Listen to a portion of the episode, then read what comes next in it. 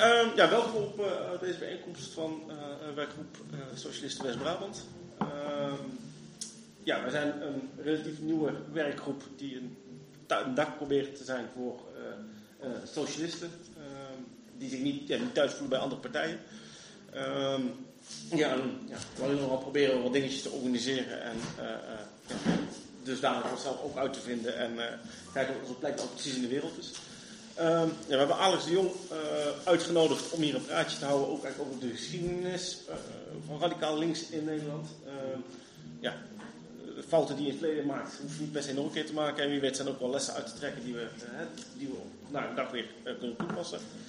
Ehm, Alex de Jong is redacteur bij Grenzeloos, een online blad. tegenwoordig een hoop linkse artikelen. kijk vooral op de site grenzeloos.org. en redacteur bij uh, Historical Materialism, een uh, meer theoretisch Engelstalig uh, blad, ja, wat, meer, wat, meer op de wetenschappelijke niveau zit. ja, dus echt een, een, een, een socialisten-nerd, om het zo maar te noemen. Ja, precies.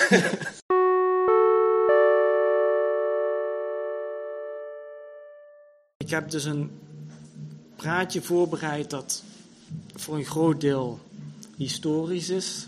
Dat gaat over de geschiedenis van links in Nederland en ja, ook de valkuilen waarin links terecht is gekomen.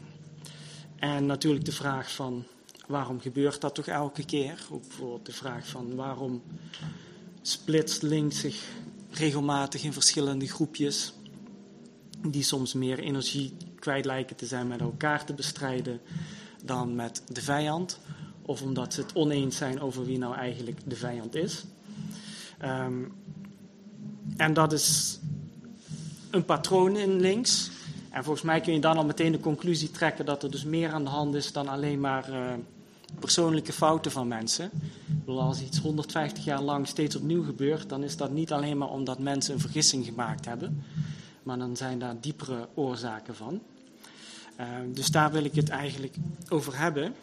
En dan natuurlijk op het einde een aantal conclusies proberen te trekken van hoe het beter kan.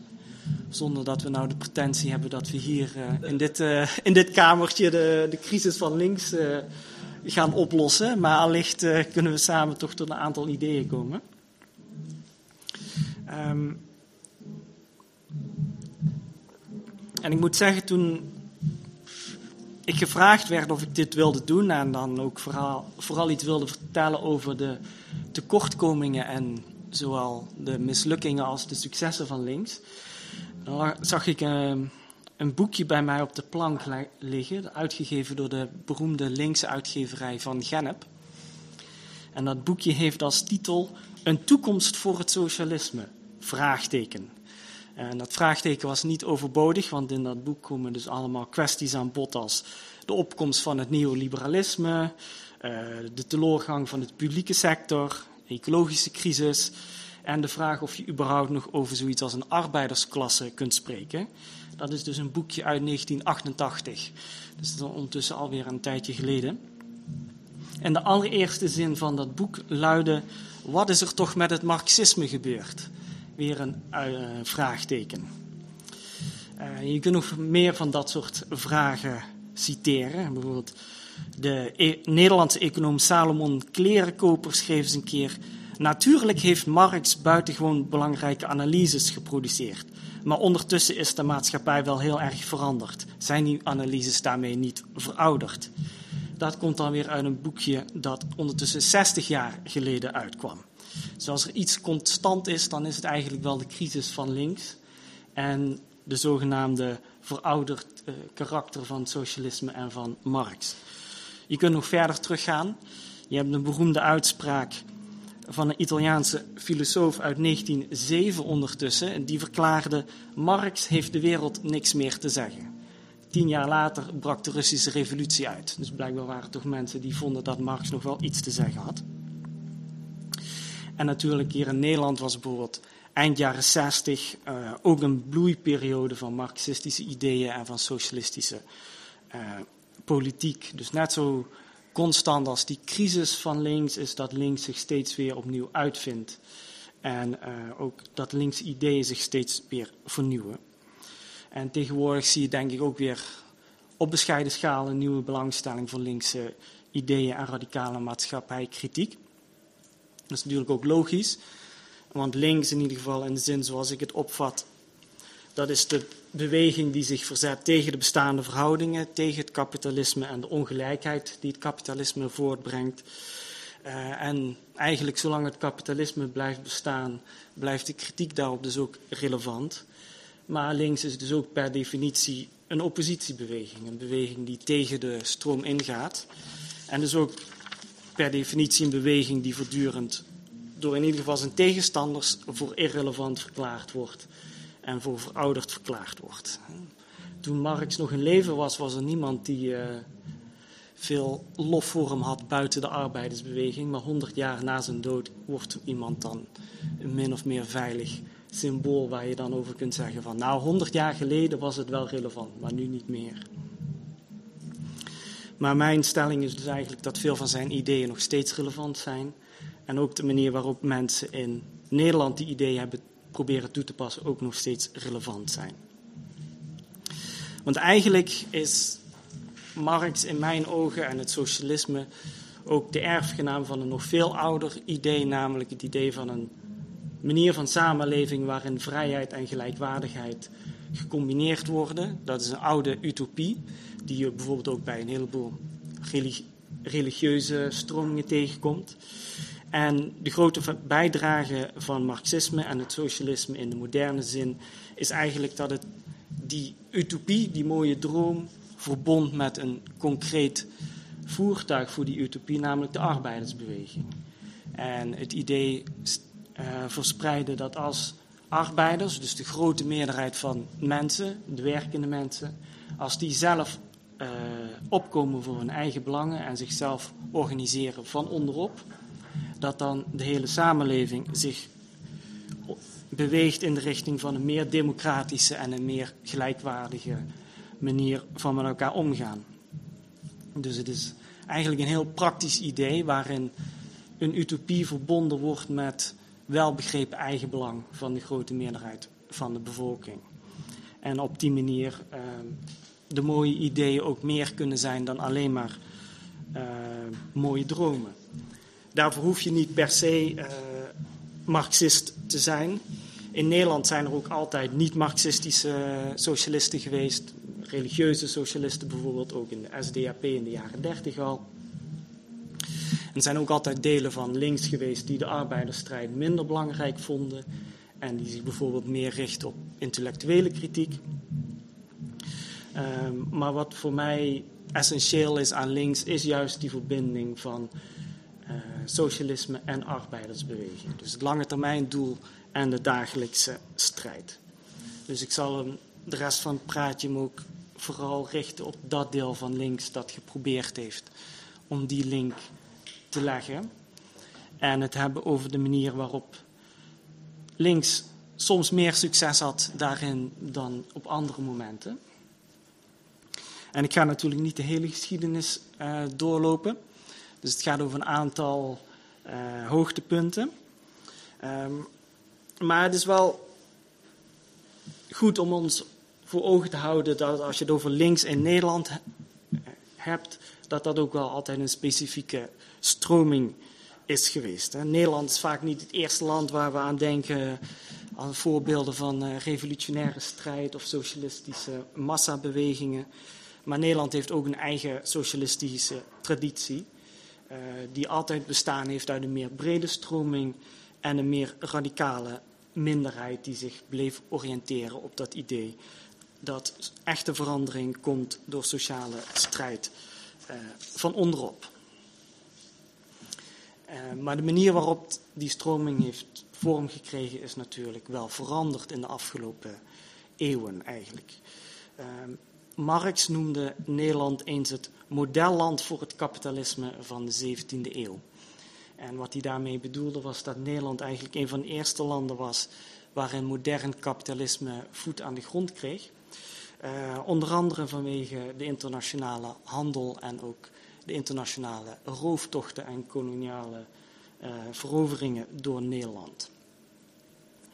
Um, en dat op zijn beurt beïnvloedde natuurlijk weer hoe dat kapitalisme zich in Nederland ontwikkeld heeft. Voor Nederland was, als je het vergelijkt met landen om Nederland heen, eh, relatief laat met uh, industrialisering. Uh, de Nederlandse marxist en schrijfster Henriette Roland Holst, die schreef bijvoorbeeld een geschiedenis over het kapitalisme in Nederland in haar boek Kapitaal en Arbeid in Nederland. En als het daarin over de 19e eeuw heeft, dan beschrijft ze Nederland als een nogal achtergebleven landje. Met een verarmde arbeidersklasse die ook nog vaak op het platteland woonde. En pas laat in de 19e eeuw begon de industrialisering op gang te komen. En daarmee dus ook een meer moderne arbeidersklasse vorm te krijgen. En zo werd in 1893 de Sociaal-Democratische Arbeiderspartij opgericht. En dat was dus een partij die zich beriep op het marxisme en zichzelf ook zag als de politieke vertegenwoordiger van die arbeidersbeweging. Naast die politieke vleugel had je natuurlijk de andere vleugel van de arbeidersbeweging, de vakbonden. Uh, in 1906 vooral verenigden die zich in de Nederlands Verbond van Vakverenigingen, dus dat is de voorloper van de huidige FNV. Dat was de vakbeweging die uitdrukkelijk verbonden was met de SDAP. Dus je zo een socialistische beweging die eigenlijk uit twee pijlers bestond: een politieke partij en een vakbeweging. Uh, maar niet alle vakbonden waren natuurlijk per definitie uh, socialistisch. Zo reageerde de katholieke kerk op de opkomst van de socialistische vakbeweging met het organiseren van haar eigen bonden, zoals in Maastricht de vakvereniging God en Ons Recht. En daarmee kom je al meteen bij een van de verklaringen waarom socialisme in Nederland, als je het vergelijkt met Duitsland of België, toch relatief klein is gebleven, namelijk die verdeeldheid langs religieuze lijnen tussen bijvoorbeeld protestantse arbeiders en katholieke arbeiders. En ook de SDAP bleef qua invloed achter bij de Belgische Werkliedenpartij of vergeleken met de Duitse SDP al helemaal. Nederland had ook in die tijd in ieder geval het soort industriële bolwerken dat in Vlaanderen en Duitsland vaak de thuisbasis waren voor de socialistische arbeidersbeweging. Wat wel opmerkelijk is, is dat Nederland een van de eerste landen in Europa is geweest waarin meer revolutionaire socialisten zich hebben afgescheiden van de meer gematigde socialisten. Terwijl de gematigden zich georganiseerd hadden in de SDAP, was er in 1909 al een splitsing eh, waarin de radicalen hun eigen partij oprichtten, de SDP. En dat was een groep die georganiseerd was rond het marxistische oppositieblad de, de Tribune. Dus daar komt ook de naam voor het SP-tijdschrift vandaan. Erg succesvol was die nieuwe partij niet.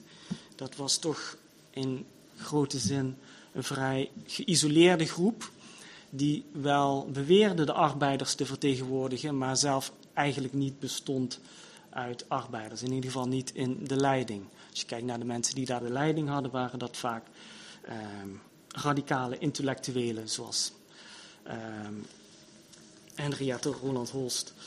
Uh, mensen die dus zelf niet afkomstig waren uit bijvoorbeeld die vakbeweging. Die vakbeweging, de leiders daarvan, die bleven toch juist bij de SDAP. Ehm, dus dat was eigenlijk een afsplitsing die weinig succes had. En die zich ook meer leek te richten op het bestrijden van het andere deel van links, namelijk de SDAP.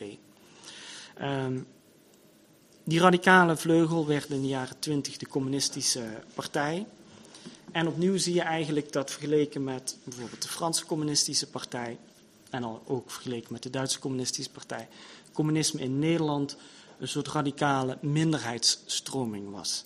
Dus in de jaren 20, 30 behaalde die partij twee of drie uh, zetels. Het was een buitengewoon radicale partij die ook felle kritiek had op de sociaaldemocratie en daarmee ook een deel van de arbeiders voor zich wist te winnen. Maar tegelijkertijd uh, redelijk uh, geïsoleerd was. maar zoals gezegd waren er wel een aantal internationaal bekende Nederlandse marxisten. ik heb Henriette Roland Holst al genoemd. Hij had ook andere mensen als Anton Pannenkoek en Herman Gorter.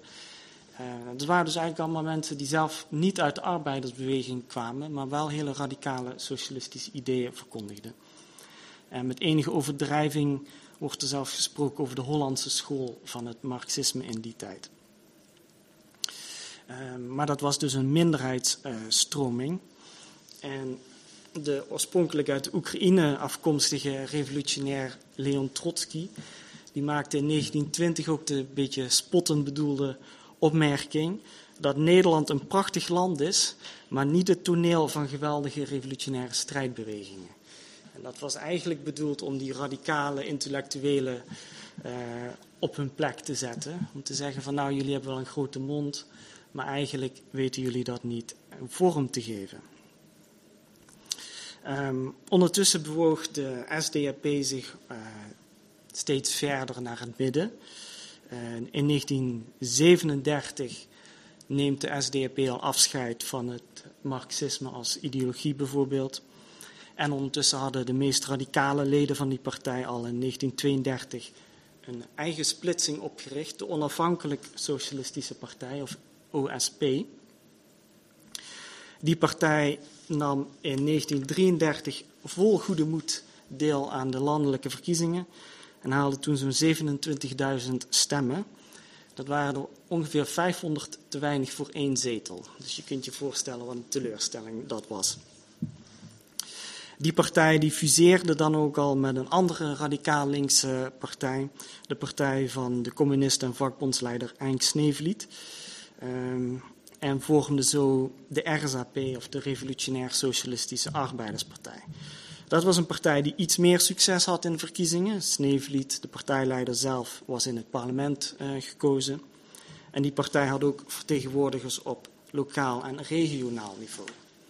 Dus we zitten nu in de jaren 30 en je hebt nu al een heel grote verdeeldheid van, uh, van linkse groepen die zich ook vaak uh, elkaar nogal hevig bestrijden. En zo iemand als Henriette Roland Holst die betreurde dat ook erg. Van waarom toch die, die verdeeldheid? Waarom niet meer samenwerking? En het is ook zo dat een deel van die verdeeldheid onterecht was en meer veroorzaakt werd door persoonlijke conflicten en rivaliteiten. Maar er bestonden ook altijd essentiële politieke verschillen. En ik denk dat dat ook belangrijk is om in gedachten te houden. We kunnen altijd wel klagen over de verdeeldheid van links, maar we moeten ook kijken naar de echte redenen waarom links zich op verschillende manieren organiseert. En daar zijn soms ook hele goede redenen voor. En ik wil bijvoorbeeld het voorbeeld noemen van de kwestie van kolonialisme. Dat was in Nederland heel belangrijk. De sociaal-democratische econoom Jan, Tinberg, Jan Tinbergen sorry, die becijferde bijvoorbeeld dat maar liefst 13% van het Nederlandse nationaal budget afkomstig was uit winst gewonnen in wat toen Nederlands-Indië was. Maar toen daar in 1926 en 1927 een opstand uitbrak tegen dat Nederlandse kolonialisme, een opstand die voornamelijk geleid werd door Indonesische communisten, werd die met harde hand onderdrukt. Onafhankelijkheidsstrijders werden opgepakt en vaak gevangen gezet in kampen in afgelegen delen van het land, waar een groot aantal van hen eh, is bezweken aan honger en uitputting. De woordvoerder van koloniale vraagstukken van de SDAP, Charles Kramer, die sprak zijn begrip uit voor het optreden van de Nederlandse overheid, want, zo zei hij, geen regering kan een dergelijke aanslag op haar gezag tolereren.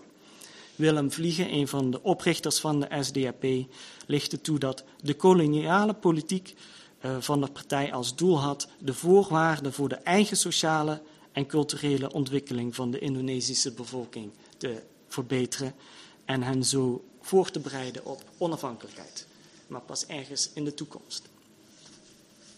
En als je bijvoorbeeld nagaat dat een van de voorwaarden die de SDAP stelde aan de Indonesiërs om onafhankelijk te worden was dat ze allemaal moesten kunnen lezen en schrijven. Want alleen dan waren ze in staat om zichzelf te regeren. En dan is het wel goed om te weten dat in 1945 ongeveer 5% van de Indonesische bevolking kon lezen en schrijven. Dus je kunt nagaan hoe lang die koloniale verhoudingen nog had moeten duren voordat de Indonesiërs volgens de SDAP uh, klaar zouden zijn geweest voor onafhankelijkheid. Uh, maar op het moment dat Indonesië daadwerkelijk onafhankelijk werd, is ook binnen ongeveer tien jaar het analfabetisme in Indonesië vrijwel uitgeroeid.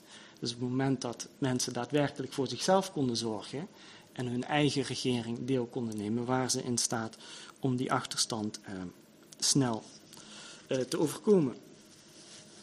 Mohammed Hatta, een van de twee Indonesische leiders die de onafhankelijkheid van Indonesië uitriepen, had al in de jaren twintig de Nederlandse sociaaldemocratie en de SDAP bekritiseerd. In het blad De Socialist schreef Hatta in 1928.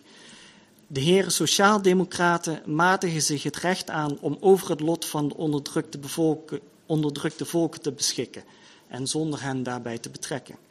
Daarmee hebben de sociaaldemocraten zich nog verder van de onderdrukte volken vervreemd. En Hatta gaat verder dat als de socialistische partijen, dus de sociaaldemocraten, eens zullen bereiken dat zij zeggenschap krijgen over de koloniën, zij meteen de onderdrukte volkeren tegenover zich zullen vinden. Want een gekoloniseerd volk bindt de strijd aan met elk koloniaal imperialisme, of het zich nou kapitalistisch of socialistisch noemt. Dat schreef Hatta dus eind jaren 20. En daar heeft hij natuurlijk volledig gelijk in gekregen. Want na de Tweede Wereldoorlog was het de PvdA, de opvolger van de SDAP, die in de regering zat en mede verantwoordelijk was voor de koloniale oorlog in Indonesië. Dat is een oorlog waarin misschien wel 300.000 mensen zijn omgekomen. Ehm, dus je kunt nagaan ehm, dat dit een centraal splijtpunt was voor radicaal links in Nederland. Een van de scheidslijnen tussen de grote sociaal-democratische partijen, zoals de SDAP en later de PvdA, was die kwestie van kolonialisme. Het waren de kleine radicale partijen, als, zoals de Revolutionair Socialistische Arbeiderspartij van Henk Sneevliet en de CPN, de Communistische Partij in Nederland, die geprobeerd hadden om die koloniale oorlog te voorkomen en die ook altijd waren opgekomen voor de onafhankelijkheid van Indonesië en andere gekoloniseerde gebieden. Dus volgens mij zie je hier een van de redenen waarom het af en toe ook volledig terecht is om niet in dezelfde partij te willen zitten. Op het moment dat een partij ervoor kiest om zo'n oorlog te voeren, dan wordt het je trouwens ook uh, onmogelijk gemaakt om in die partij te zitten. Want op het moment dat die oorlog uitbrak, was er ook binnen de PvdA natuurlijk wel het een en ander aan oppositie en zijn duizenden leden gewoon uh, of teleurgesteld opgestapt. Uh, helaas waren ook die radicale socialisten in Nederland geen uh, eenheid. Eén twistpunt was bijvoorbeeld de houding ten opzichte van de Sovjet-Unie. Eh, de communistische partij in Nederland was in de late jaren twintig steeds meer onder controle gekomen van de communistische partij van de Sovjet-Unie. En dat was in de tijd dat Stalin daar alle macht naar zich toetrok. En de communisten in Nederland die, die verdedigden dan ook elke draai van de Sovjet-Unie. Zonder dat ze zelf in overweging namen of die draai misschien wel goed was en of ze dat uit konden leggen aan de Nederlandse uh, arbeiders. Dus bijvoorbeeld als in de jaren 30 de zogenaamde zuiveringen plaatsvinden in de Sovjet-Unie, waarin dus honderdduizenden mensen omkomen, uh, terwijl Stalin alle reëel bestaande dan wel uh, potentiële oppositie vernietigt en ongeveer 700.000 mensen uh, omkomen, omdat ze geëxecuteerd worden of omdat ze van honger en kou bezwijken in gevangenenkampen, wordt dat verdedigd ofwel ontkend door de Nederlandse Communistische Partij. Dus je kunt je voorstellen dat dat ook een van de kwesties is waar mensen dan uh, zich niet aan bij willen sluiten. En de kritiek, want elke kritiek op de Sovjet-Unie en op Stalin was onacceptabel voor de CPN. Eh, en zelfs in het parlement werd iemand als Sneevliet uh, uitgemaakt voor een agent van de nazi's. louter en alleen omdat hij kritiek had op de Sovjet-Unie. Dat bleef ook niet alleen bij woorden. Ad Menis, dat was een kameraad van uh, Henk Sneveliet en een, uh, zelf een socialistische politicus. Die werd in 1931 opgewacht door een communistische knokploeg en letterlijk het ziekenhuis ingeslagen. Dus nu, je kunt je wel voorstellen dat als dit soort dingen gebeuren, het erg moeilijk is om in dezelfde partij uh, te zitten. Um, een ander voorbeeld uh, dat je kunt noemen is de houding van de CPN ten opzichte van het vriendschapsverdrag tussen Hitler-Duitsland en de Sovjet-Unie in 1939. uh, na jarenlang als felste tegenstanders van het fascisme te hebben gehandeld, werd ook die draai weer verdedigd door de Nederlandse Communistische Partij. En dat soort draaien zorgde er niet alleen voor dat een heleboel zeg maar, gewone Nederlandse arbeiders de Communistische Partij niet vertrouwden, maar natuurlijk ook dat een heleboel communisten en partijleden zelf gedesillusioneerd raakten en het opgaven. Omdat ze niet begrepen waarom ze aan dat soort manoeuvres uh, deel zouden moeten nemen. Dus daar kun je volgens mij één les uit trekken, namelijk de manier waarop bij de communistische partij in die tijd een bepaalde ideologische zuiverheid, uh, in die tijd dus trouw aan de Sovjet-Unie en aan Stalin, uh, meer belangrijk werd gevonden dan het bepalen van een koers gebaseerd op Nederlandse verhoudingen en op het afwegen van wat ze uit konden leggen aan Nederlandse arbeiders en wat nu eigenlijk de belangen waren van Nederlandse arbeiders. Nederlandse arbeiders hadden natuurlijk ook helemaal geen belang bij het verdedigen van die zuiveringen in de Sovjet-Unie. En toch werd dat een halszaak uh, voor de Communistische Partij Nederland.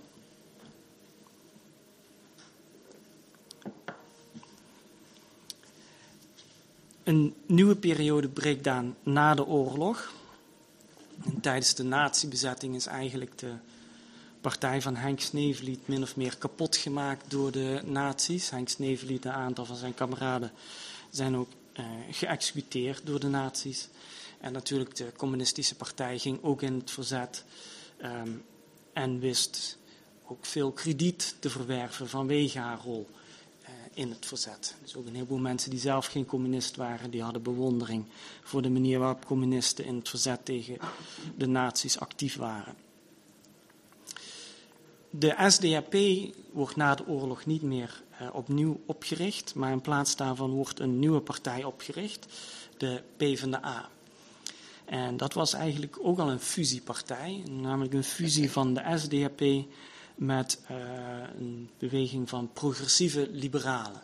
Dus de PvdA was vanaf het begin af aan expliciet en welbewust een partij die zich niet alleen op arbeiders richtte maar een partij die zich wilde richten op het volk in zijn algemeenheid. En die bijvoorbeeld in de jaren 40 ook al een beroep deed op de, wat ze de redelijkheid van kapitalisten noemden. Om kapitalisme eigenlijk vriendelijk te vragen om in de wederopbouw van Nederland na de oorlog uh, het algemeen belang wat meer in het oog te houden.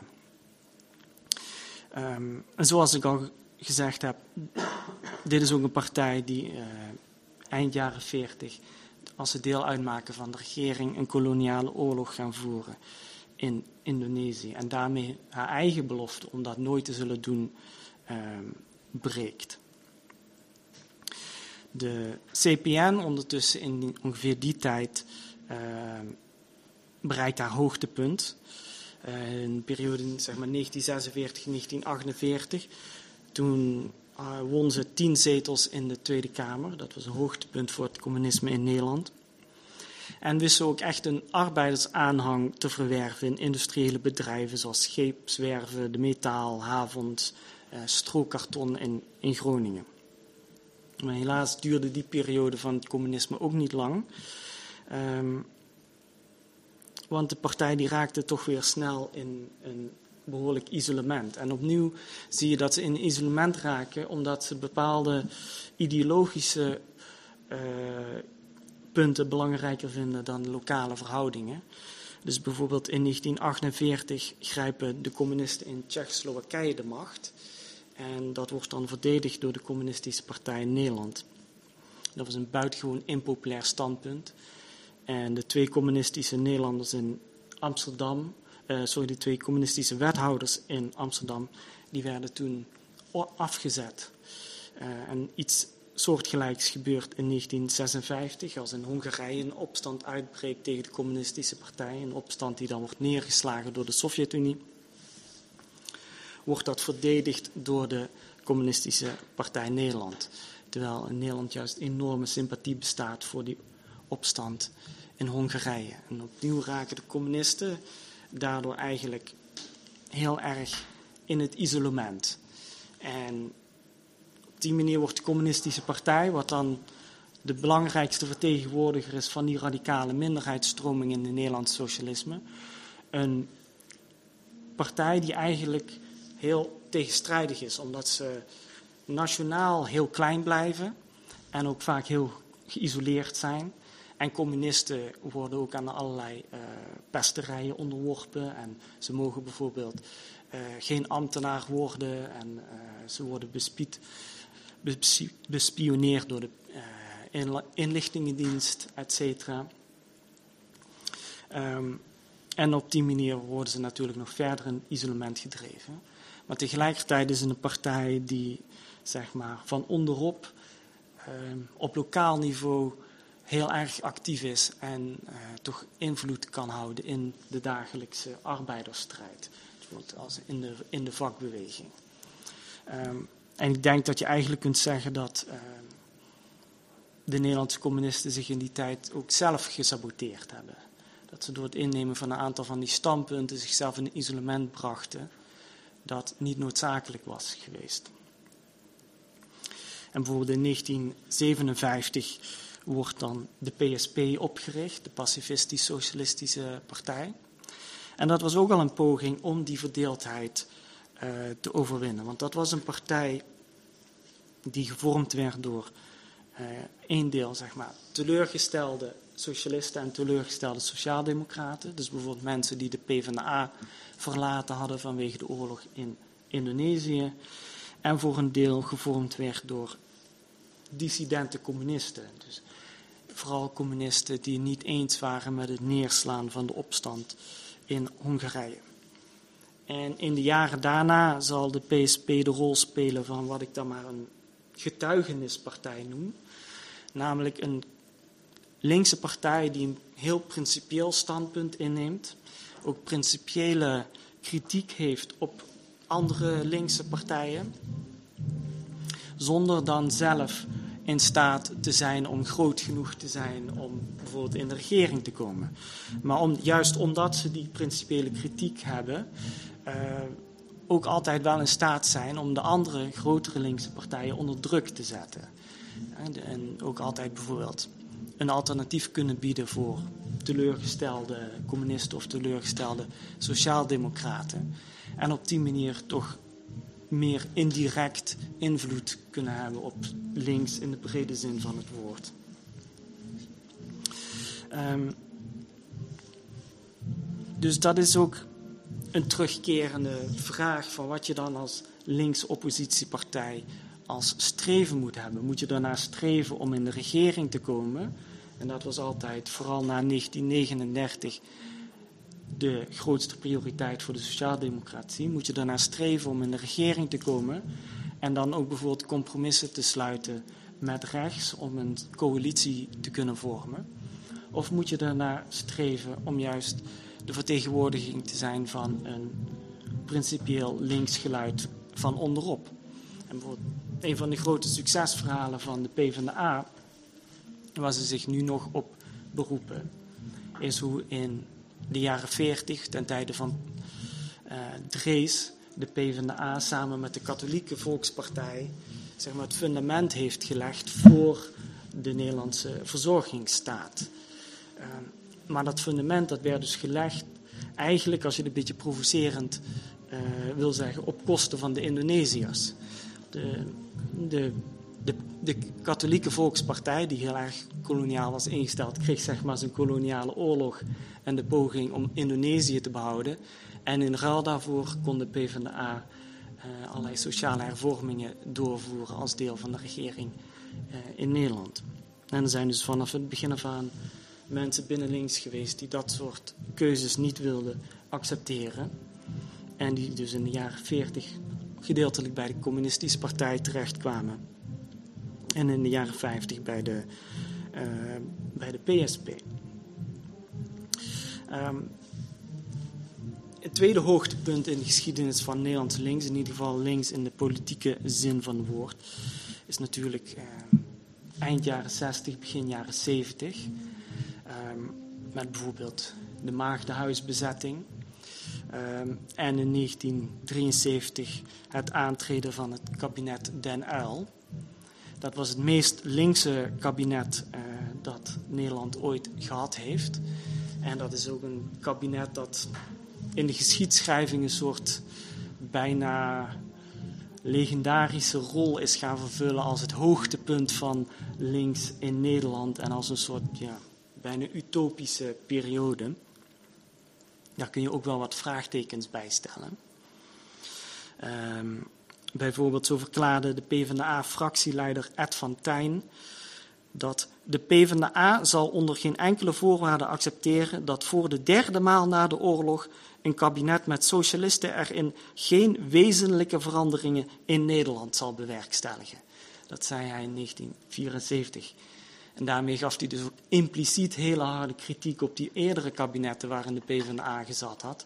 Want die hadden dus blijkbaar geen wezenlijke veranderingen kunnen bewerkstelligen. En dat moest uh, nu dus anders.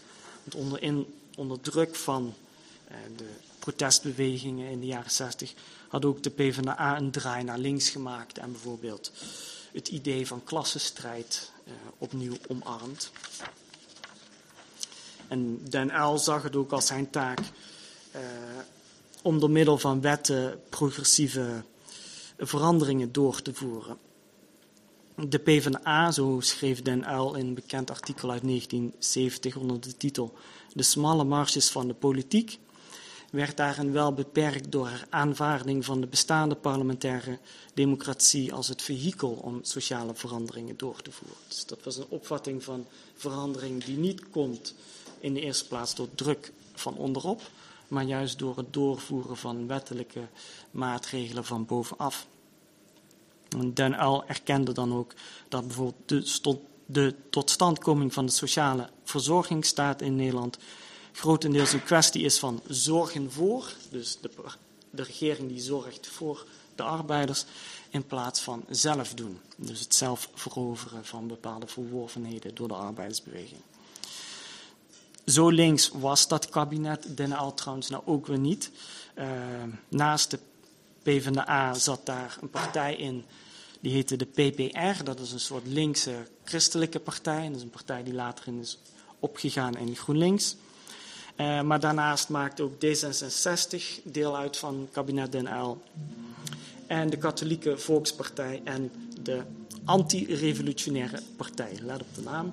Dat zijn dus twee partijen die ook uit de christendemocratische hoek kwamen en die later zijn opgegaan in het CDA.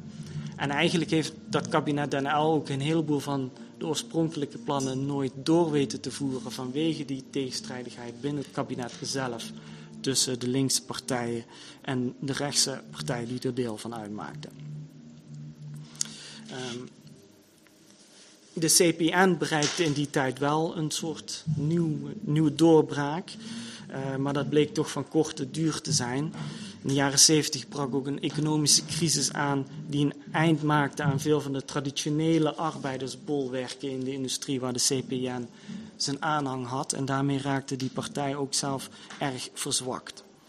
De PvdA ondertussen, die begon zich nadat ze dus in de jaren 70 een draai naar links had gemaakt, in de jaren 80 steeds meer te richten op samenwerking opnieuw met uh, rechts.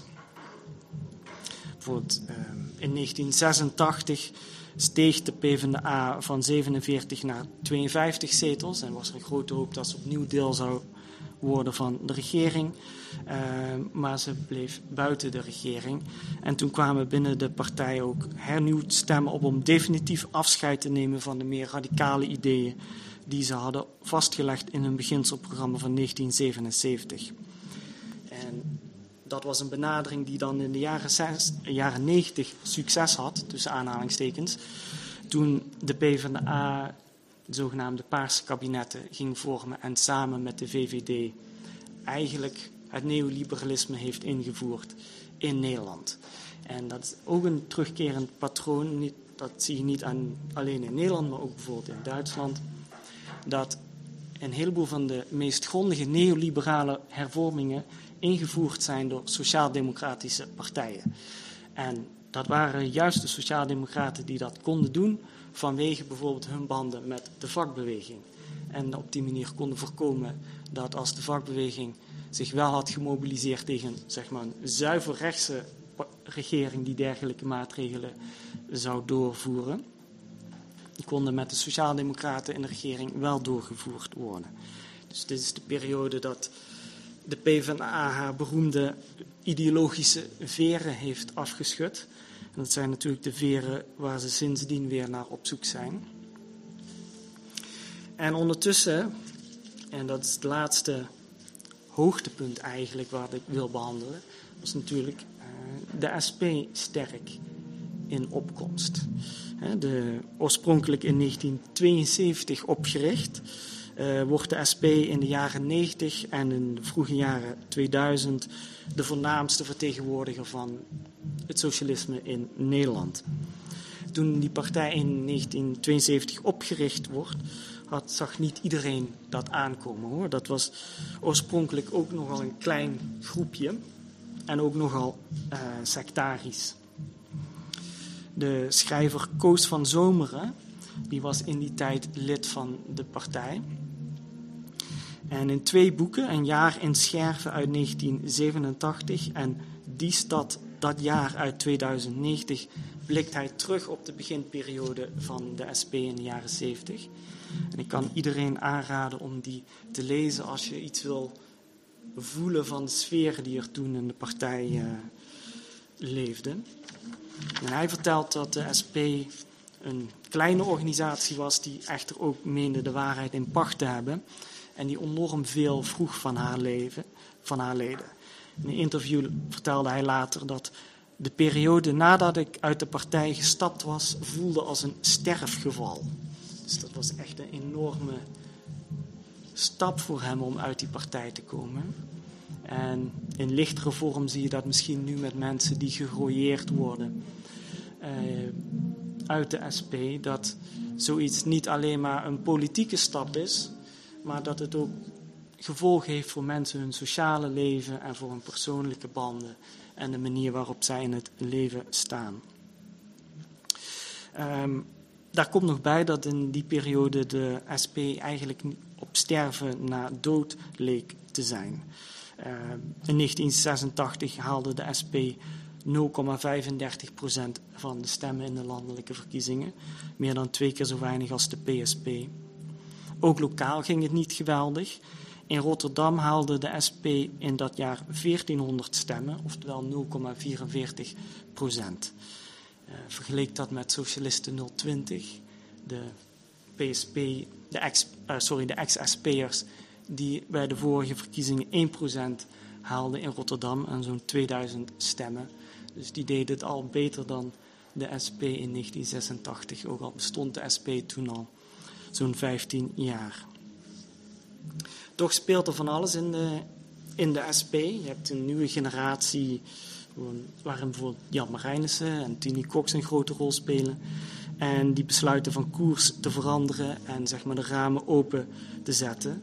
En zo wordt de partij niet langer een strikte kaderorganisatie, zoals dat heette, waarin eigenlijk gevraagd werd dat mensen ook heel erg actief waren voor de partij. Um, en van zo'n 750 leden in begin jaren 80 groeit de partij tot al 15.000 in 1992. Dus dat gaat heel snel op het moment dat die koerswijziging is doorgevoerd. De, de SP gaat ook steeds meer samenwerken met andere linkse groepen en in bredere campagnes. En in 1994 wint de SP 1,3% van de stemmen. Dat is een heel bescheiden resultaat. Maar dat was toch nog genoeg om twee zetels te winnen in het parlement. En in die periode wordt de SP een soort verzamelpartij. Het wordt de partij die de brokstukken van de andere linkse stromingen in Nederland bij elkaar weet te rapen en te verenigen. Want ondertussen waren de CPN, de PSP en twee andere linkse partijen opgegaan in GroenLinks.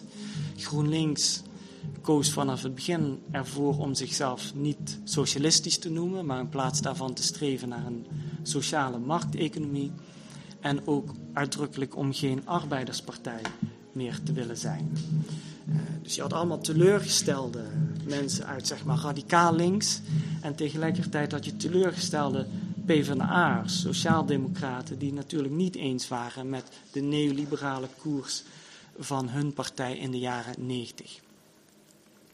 En de SP was eigenlijk de juiste partij op het juiste moment om al die verschillende stromingen aan te kunnen spreken onder de noemer van het socialistische tegengeluid. Bijvoorbeeld Frits Bolkestein van de VVD, die maakte in die periode Jan Marijnissen het mooie compliment door te zeggen: Tegenwoordig denkt iedereen in het parlement liberaal, behalve Jan Marijnissen. Zij waren eigenlijk de enige partij die, juist omdat ze uitdrukkelijk tegen de stroom inging, een alternatief kon bieden. En daarmee ook voor een deel die verdeeldheid kon overwinnen. Tegelijkertijd zie je dat in die periode ook al steeds meer afscheid genomen wordt van het marxistische verleden van uh, de partij. In 1999 besluit de SP bijvoorbeeld al om het streven naar nationalisatie van grote bedrijven, banken en de grond op te geven en daarmee dus afstand te doen van het klassieke socialistische uh, doel. En Jan Marijnissen zegt dan uh, op zijn, tijdens een congresrede... In onze jeugdige bravoure hebben we dingen gezegd en gedaan waar we nu niet meer achter staan. De socialistische klassieken waren ons richtsnoer. Dat is al lang geleden fundamenteel veranderd. De dogma's hebben we uit het raam gegooid. Nou, een beetje dezelfde retoriek hoor je tegenwoordig weer. Maar nu gaat het om bijvoorbeeld het uit de partij gooien van rood en de zogenaamde zolderkamercommunisten, die ook dan beschuldigd worden van alleen maar bezig te zijn met de socialistische klassieken. Het congres keerde zich met grote meerderheid tegen een poging uh, van verschillende afdelingen, waaronder andere die van Breda, om een passage in het programma op te nemen over de nationalisatie van banken, verzekeringsmaatschappijen en bouwbedrijven en andere grote uh, bedrijven. Dus uh, ook dat er toch een linkse oppositie binnen de partij bestond, was toen ook al aanwezig.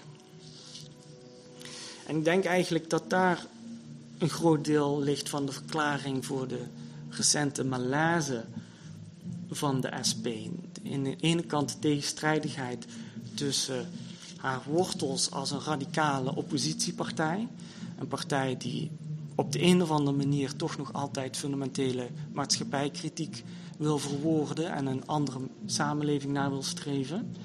En aan de andere kant het streven naar verkiezingswinst en, en zetels. En je ziet voortdurend die tegenstrijdigheid. Dus wat willen we nou? Willen we nou de radicale oppositiepartij zijn, die principiële kritiek heeft en vanuit die positie van links ook druk zet op bijvoorbeeld de PvdA en op GroenLinks? Of willen we ernaar streven om zelf die zetels uh, te winnen? En willen we ons juist richten op uh, steeds weer nieuwe verkiezingswinst? Uh, en ondertussen zie je dus eigenlijk dat het geen van beide is geworden. De SP heeft sinds 2006 20.000 van haar op het hoogtepunt 50.000 leden verloren. En de laatste 6, 7 jaar volgt ook de ene verkiezingsnederlaag uh, na de andere.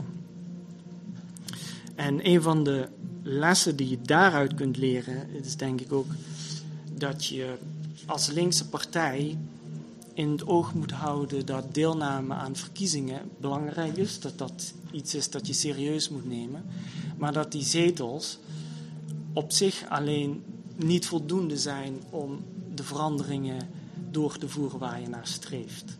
Dus de PvdA is verworden ook tot een partij die eerst in de jaren 90 neoliberaal beleid doorvoerde en zichzelf eigenlijk daarmee buitenspel heeft gezet, omdat ze dus eigenlijk gefixeerd was op die regeringsdeelname en die zetels.